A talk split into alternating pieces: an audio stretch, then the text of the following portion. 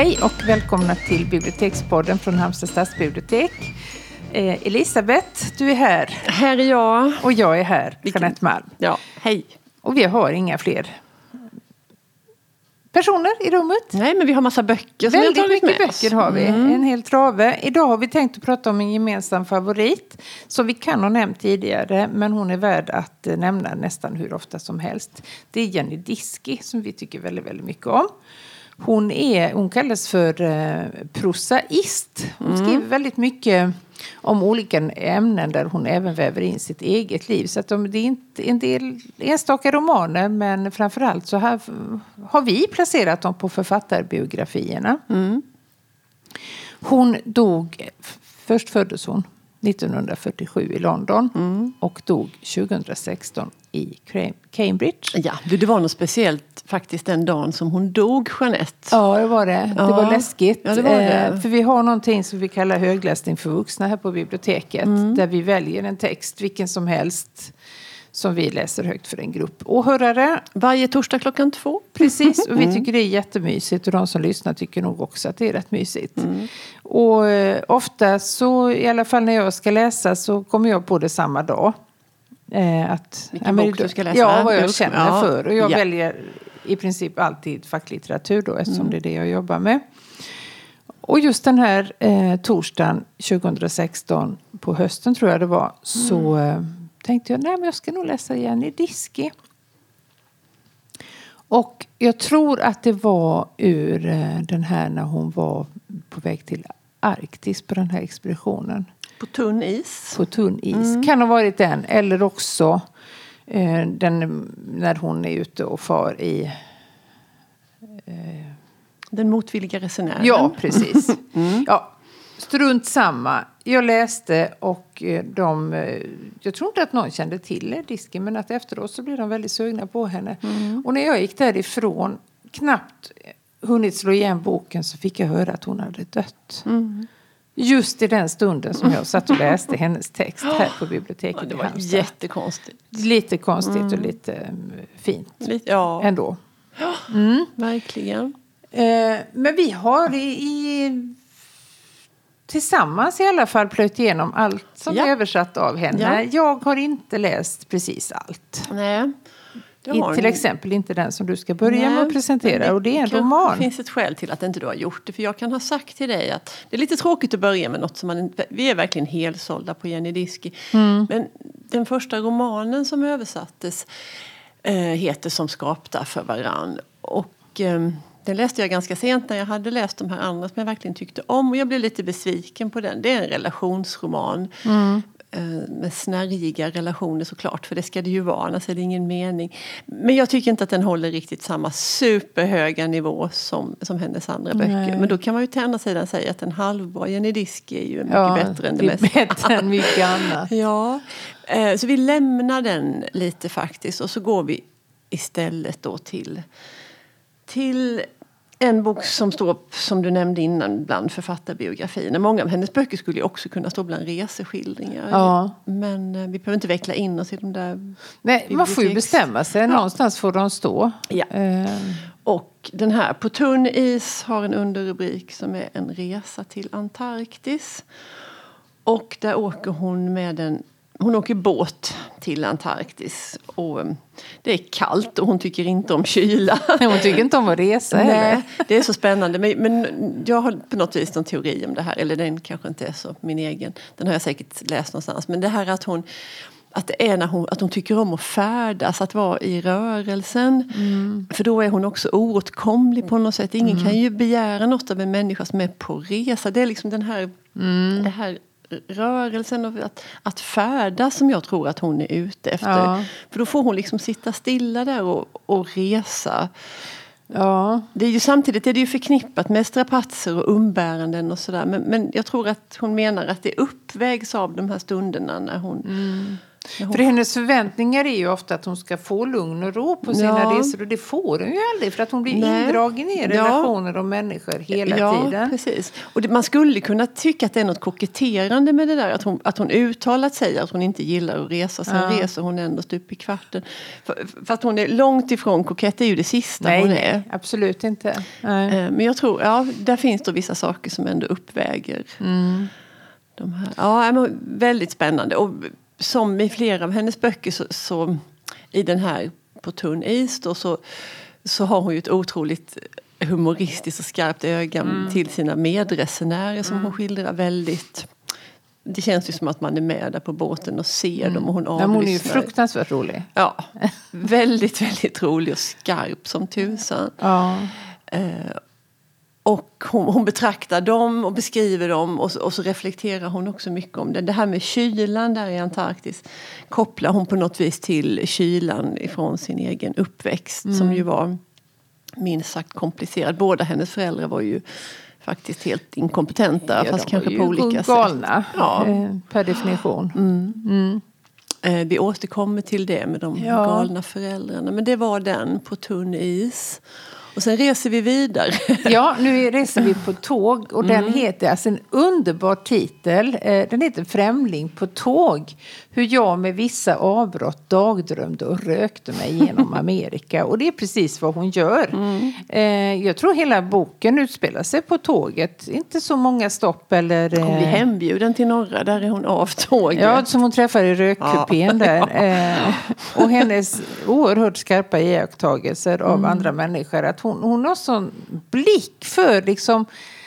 Eh, hon ser deras yta men hon ser exakt vad det är de vill dölja och relationerna dem emellan. Och hon har ju en förmåga att beskriva detta på ett sätt som gör att vi är med henne i den här rökkupén. Kupén, ja. Och det, är väl också, Eh. det handlar ju också mycket om klass där. För vilka är det Ja. som åker? I USA åker man ju nästan inte tåg. Nej, där flyger alla dit de ska.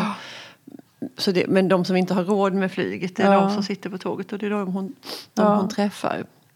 Hon känns, alltså hon blir ju oerhört förtjust i, i många av dem. Mm. Alltså det är, även om hon klär av, som vi säger, eh, människor som hon träffar så är det ju aldrig ett ovanifrån perspektiv. Nej, utan hon nej, är nej, ju oerhört inkännande och klok. Ja, ja, underbar bok. Eh, och hon fortsätter ju efter, även efter detta med Ja. den här... Det är väl nästan vår favoritbok, sa vi inte det? Jo, det är svårt att, att rangordna dem. För Ja, man tycker behöver inte ha favoriter. Nej då, men den, vi har pratat mycket om den och vi återkommer till den då och då. Den motvilliga resenären, där Mm. sätts det ju ord på den här motvilligheten mot att resa. Jag- Ja, eh, och där får vi följa henne på tre olika resor. En till Nya Zeeland, det är väldigt skiftande resmål sannoliken. En Ja, går till- frågan är om hon väljer eller om hon blir utskickad. Jag kommer inte ihåg Nej, men jag tror att kanske för den eh, kortaste resan då hyr hon ett hus i Somerset i England. Eh, den kan vi prata om sen. Hon åker, hamnar också i Nya Zeeland och Lappland. Och det kan tänkas att hon blir tillfrågad om de resorna. Att hon blir... I Lappland är det också. Men det var roligt om den. Det, det, hon tänker att det ska vara mörkt och stillsamt. Den här liksom lugnet som hon Ja, tror att hon ska alltid tänka. Det kan väl inte hända så mycket. Men jo då, det blir en väldigt, det blir hektiskt och det blir ju allt som den lappländska turistbyrån har att erbjuda ska hon ju Ja, hon utföra. bor ju med en sommarfamilj Mm. faktiskt. eh, I, och är med på ren... eh, Skötsel. Ja, och åker hundspann och kallt som tusan är det ju. Mm. Och det är ju det värsta hon vet. Men... eh, Ja, men det var Ja. extra roligt att Ja, läsa om eh, precis, när hon var är i Sverige också. Även om det var en väldigt främmande miljö även för oss. Ja, verkligen. Men Jag tänkte jag skulle läsa en, eh, ett stycke ur den Ja, här. men gör det. Eh, Det är just det här hennes motvilja mot att röra sig. Hon säger att hon var lat redan som foster. Vad är det för vits med att ta en promenad? Handlar det om att titta? Handlar det om att tänka? Kan man titta och tänka? Jag tittar på saker och undrar vad de heter, men det vet jag nästan aldrig. Att undra över namn är knappt att tänka. Mm, det är en vacker blomma, jag undrar vad den heter. Svalört kanske, eller fräken, inte vet jag. Jag är ganska stolt över att jag ens vet att det finns något som heter svalört. Fast jag börjar omedelbart oroa mig över hur man ska kunna skilja den från skelört. Jag blir fixerad vid namn och klassificeringar. Jag skulle vara en veritabel Linné om jag haft mer kunskap om vad som var vad. Jag skulle kunna hitta på namn på saker men jag vill verkligen heta vad de veta vad de heter på riktigt. Jag vill veta att det jag, hitt det jag tittar på är svalört och då, ja, då skulle jag veta. Men sen börjar jag oroa mig över att jag vill veta vad allting heter. Min promenad förvandlas till ett ansträngande försök att låta bli att fundera över vad allting heter. Till slut kan jag inte tänka på något annat än vad jag borde tänka på när jag tar en promenad. Mm. Ja, ni förstår. Mm, men underbart. Ja. ja. Det där stycket gissar jag, det för det, det som jag tycker bäst om i den boken det är det där partiet när hon hyr det där huset i Sammeset. Ja. Um, och det är fullt av just hur hon liksom benar i hur hon tänker och sen tänker jag, det är väldigt typiskt för henne och väldigt roligt. Och nu ska jag tänka det här. Ja men precis, och hon stå, någonstans där så står hon och tittar ut och då säger åh vad ska jag tänka nu? Jo, det tänker jag på hästen som står där ute och undrar vad hästen tänker och sover mm. den eller är den vaken mm. och har den ett rikt inre liv? Och jag, just, ja, jag älskar det. Jag tycker det är så mm. fyndigt. Och så rädd och, att grannarna ja, ska ta kontakt med henne. De som hon hyr av. De, de, hon, är rädd att, hon är rädd för olika saker. Dels att de ska ta kontakt men också mm. att, att um, de ska tro att hon är död. Om de inte ser henne. Nej, men ser de henne så är hon rädd att hon måste prata ja, men med jag tror hon håller på lite med persiennerna. Ja, hon löser det genom ja, att dra upp och ner Ja, eller, eller släppa in lite ljus, vinkla ja. dem så att de kan notera att det sker förändringar mm. där inne. Um, men sen är hon ändå med ute och åker bil och tittar till fåren och sådär lite mm. grann. Men allra helst är hon ju kvar mm. där inne. Och det är något välgörande med det här. Allt hon inte vill, liksom, för annars, det är ju, annars är det ju tvärtom. Så ja. Man ska vilja uppleva och ju mer desto bättre. Man ska vara nyfiken på världen och, mm. man, och ta itu och liksom öppna sinnen och sånt där. Och hon, hon, står ju för allt det där andra. Ja. Och det är så underbart att någon Nej, gör det. Hon har ju verkligen ett hennes, hela hennes liv pågår ju liksom i, i det inre. Hon ja. reflekterar ju över precis allting och just att hon kopplar det till sig själv och sitt, ja. eh, sin barndom. Och, så och att hon är så himla nöjd med det. Liksom, mm. att det... Mm. Ja, eh, om vi går ner till till eh, skön, den skönlitterära avdelningen på biblioteket så står ju som sagt några av hennes böcker Ja, där. och den här kommande har jag inte läst Nej. då. Fast jag vet inte varför, för jag Nej. borde ha gjort det. Jag ska ta tag i det. Inte för sent. Till Nej. den skrivande kvinnans försvar heter den. Och där förlägger hon handlingen till Frankrike, till sent 1500-tal. Och huvudpersonen i den här romanen hon bor med sin mamma och sina systrar i något litet slott sådär. De har sett bättre dagar och de har haft det gott ställt. Det förstår man ju med slottet och det här. Men pappan har dött och det var inte bra. För då blev det bara kvinnor kvar. Eh, och de hankar sig fram. Där finns ett litet runt fint bibliotek som hon och hon är jätteintresserad av att läsa. Hon lär sig läsa jättetidigt. Och, och, och hon läser hon räknar ut hur länge de här böckerna ska räcka mm. i, i det här då blir hon väldigt bekymrad för hon inser att om ett, några år så ska hon ha läst färdigt allting. Där. Men då bestämmer hon sig för då kan hon ju läsa dem en gång till sen så hon får väl lite lugn i det. Tillfälligtvis, för vad som sen sätter igång henne väldigt är när hon stiftar bekantskap med den här franska essayisten Montaigne. Mm. Um, hon blir helt besatt av honom och hans verk och han lever ju då um, i den franska staden vars namn jag nu tappade. Det är en bit ifrån där hon bor. Och i Sydfrankrike. Och han lever ju ja, under den här under hans tid. Ja, ja, det är ju lite roligt. Ja, det är skojigt. Och det är särskilt roligt för henne. För då till slut då, så, eller hon får ju träffa honom och umgås mm. med honom. Um, och han, hon skriver till honom och han blir väldigt betuttad när han inser att en så ung flicka är så påläst och är mm. så intresserad och beundrar honom så mycket. Så han blir ju lite till sig i trasorna över detta så de träffas. Uh, och vad jag gillar jättemycket, bland annat med den här boken, är att hon har inget fördelaktigt yttre. För Nej. det hade varit så himla lätt. I en annan sorts bok så hade hon Exakt. ju varit assnygg. Mm. Eh, men det är hon inte. Um, och det, det, konstaterar väl han också. Men hon, alltså hela temat i hela boken det är ju Alltså, då på den tiden och ganska lång tid efteråt så fanns det ju inga, då fanns det två möjligheter för kvinnor. Det ena var att gifta sig och vara mm. i hamn på det sättet. Och det andra alternativet var att gå i kloster. Mm. Och hon ville ingenting av detta. Hon ville läsa och skriva. Hon ville det så mm. fruktansvärt gärna. Och vilken, alltså boken handlar om den här kampen för henne att få göra det. Mm. Eh, hon tar sig till Paris och hon, eh, hon får vissa uppdrag av Montaigne och vissa andra också. Skrivande män. Eh, men hon är helt fiktiv, det har inte funnits någon sån? Du har ingen aning, Nej. det kommer jag inte ihåg. Jag, jag tror att hon är hittad på. Ja. Har du läst Montaigne? Nej. Nej. eh, inte jag heller, för att alltså många av, eller flera av våra husgudar har gjort det. Har gjort Bodil det. Bodil Malmsten var ju mm. också fullkomligt besatt av ja. Montaigne. Hon menar ju på att det var egentligen det enda man behövde läsa. Jenny Diski är det mm. också förstår man mellan att hon har lånat drag av hans essäer. Men jag har känt så här. Nej, men roligt liksom, kan det vara. Nej. Men det kanske det är. Det kanske det är. Vi ja. kan ge varandra det i, ja. i... Vi kan påminna varandra om det. Mm. Ja, det ska ju ta, ta väl lite tid antar jag. Ja, men, man kan, men, det är ju också essä. Man behöver ju inte läsa hela Nej, det är gänget.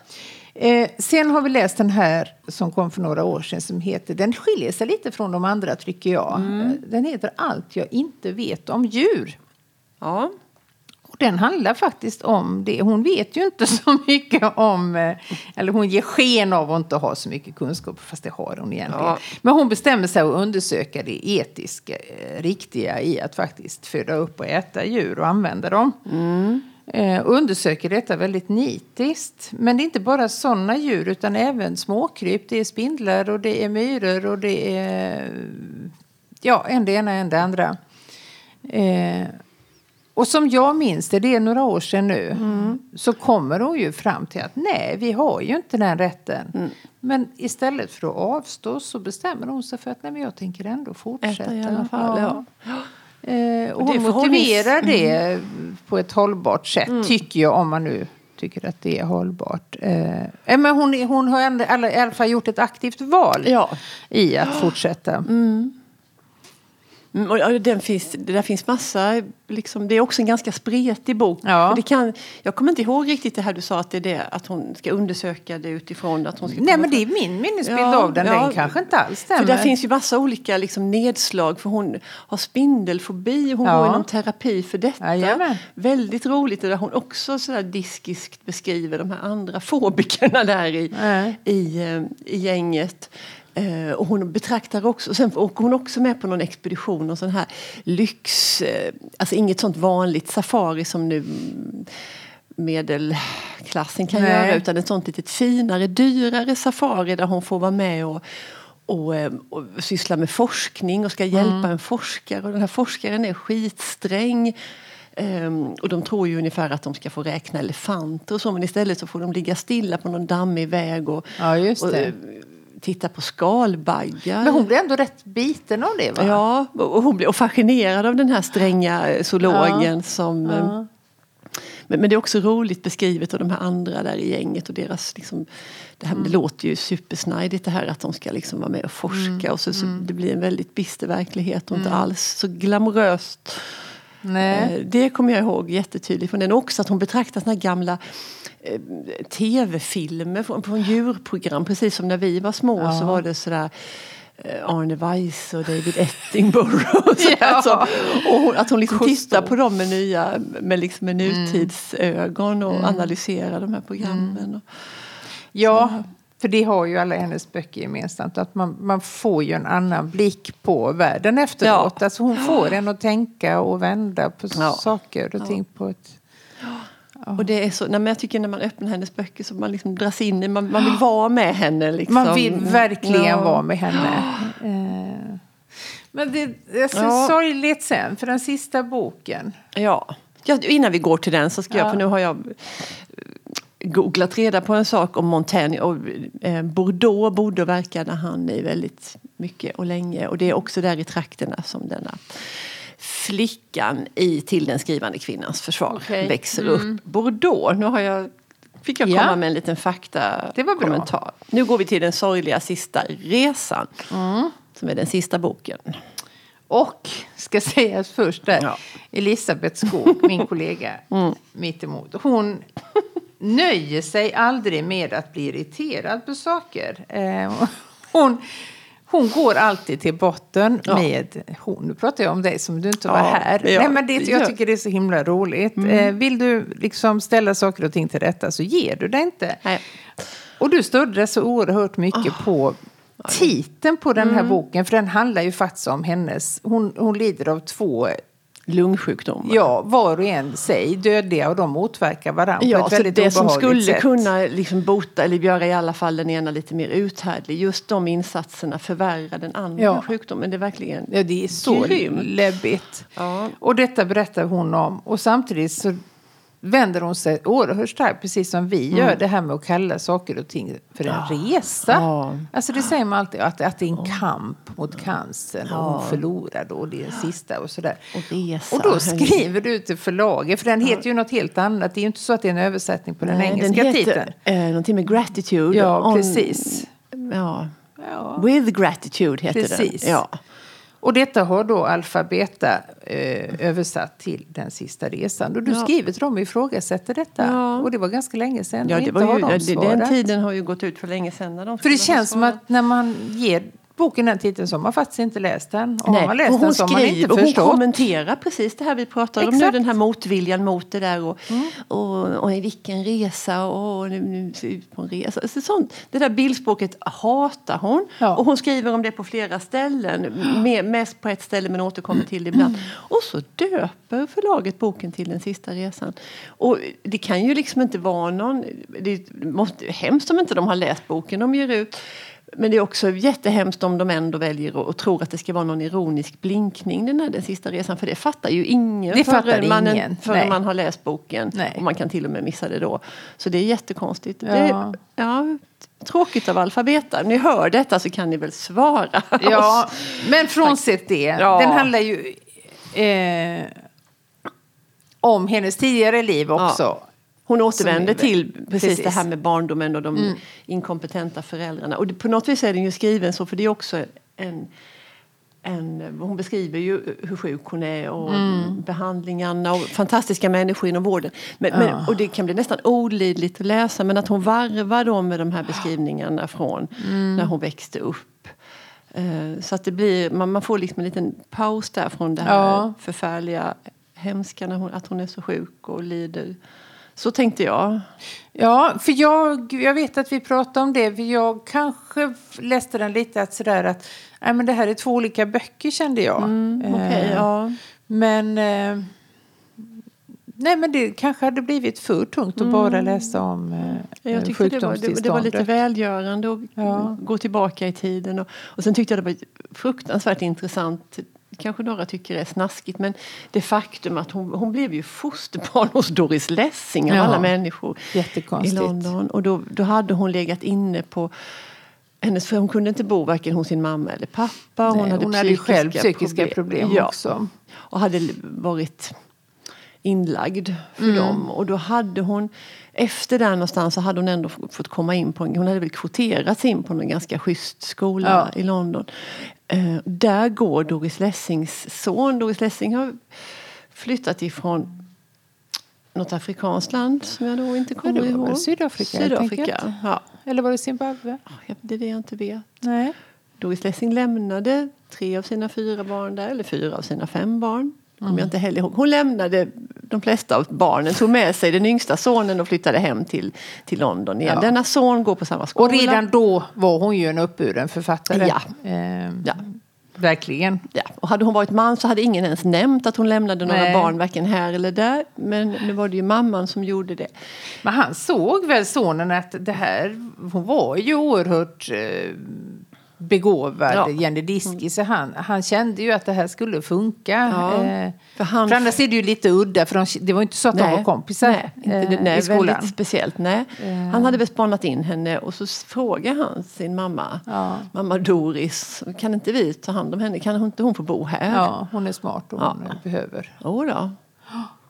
Eh, Och då får man ju en, eh, lite annorlunda bild av Doris Lessing. Verkligen, ja. Komplicerad person även hon. Ja, och- och, och relationen med sonen. Och, Ja, kära någon. Det är nästan värd en konstigt. bok i sig. Men, men, och, men vad som är väldigt, som jag tyckte var så rörande i den här, för Jenny Diske vet ju att hon, hon, hon skriver ju också om det, att hon, hon Alltså det här är ju inget fosterhem, de har ju tagit sig an henne frivilligt på något Ja. sätt. Så de, de, de får inte betalt för att hon bor där. Hon Nej. är så himla osäker på hur länge ska detta? Hur länge kan jag stanna här? Vad är det som gäller? I andra sådana här fosterfamiljer så vet hon ju liksom, de Ja. betalt, det här kan jag vara och sen vill jag inte vara. Så, så är det något annat. Men det här Nej. blir hon så himla osäker och hon söker ju bekräftelse från Doris Lessing. hon liksom blir att, tvärförbannad. Hon skriver något brev till henne. Ja, det är så hemskt. Att hon på något vis att hon vill bli lite bekräftad. Ja. Är det här okej? Får jag fortsätta bo där? Hon, Jag tror inte hon ber om varken kärlek eller ömhet. Men hon vill ha Nej. någon sorts bekräftelse Ja, på att det här hur länge är... får jag stanna? Ja, och, och Doris Lessing blir tvärförbannad. Ja. Hemskt. ja, det var jättehemskt. Ja. För det, hon, hon missförstår henne så totalt. Ja. Och vägrar att möta henne i hennes Mm. frågor. Där. Ja. Och sen det faktum att den här Doris Lessings son, han bor ju kvar där resten av sitt liv. Ja, de delar ju huset i två delar va? Ja, eller så köper hon huset intill och sätter in en dörr emellan så de Ja. kan ranta däremellan. Och han är tydligen enormt fet. Han Ja, äter han missbrukar mat ja. helt enkelt. Eh, Och det blir aldrig någon, aldrig han jobbar eller gör något. Nej. Nej, men det är ju en annan historia. Men, men det är, och det är ju inte så att hon, hon skriver liksom taskigt om Doris Lessing. Nej. Det finns ändå en Nej. respekt och en, liksom en... Ja, ja. Men det är ju en väldigt annorlunda bild jämfört Ja. med den. Men det förstod man ju nästan att Doris var ju ingen människa som fjäskade med någon. Kommer du Nej. ihåg när hon... Det var fantastiskt när hon tilldelades eh, Hon Nobelpriset och journalisterna fick ta på henne. Hon kom i en taxi, hon hade varit och Ja, handlat. Jag tror den där sonen var inblandad i handlingen. Jag tror han kommer bara några kassar där möjligen. Kanske. Ja, Ja. skitsamma. Ja. Och alla liksom, åh, Åh, då skulle förväntades grattis. hon vara tacksam. Ja, och vad säger hon? Det är för sent. Ja, Ja. det skulle jag fått mycket tidigare. Och sen plöjde hon igenom hopen och in med. ja, men in med maten. Ja. Och sen så tror jag hon klagade och gnällde efteråt för hon hade så svårt att skriva något efter Ja. det. Sen då gjorde hon väl det men ja. Nej, ingen smilfink precis. Nej, nej, men det gillar vi också. Ja, Ha, nej, men nu vi. får vi kanske sluta. Ja. Eh, men ja, Jenny Diski, det kan man alltid, om man inte vet vad man ska läsa Mm. allting känns lite tråkigt och fattigt. Då kan man ta en bok av Jenny Diski. Mm. Ja, nej men då avrundar vi här. Tack för idag Jeanette. tack för det Elisabeth. Hej då. Vi ses. Ja.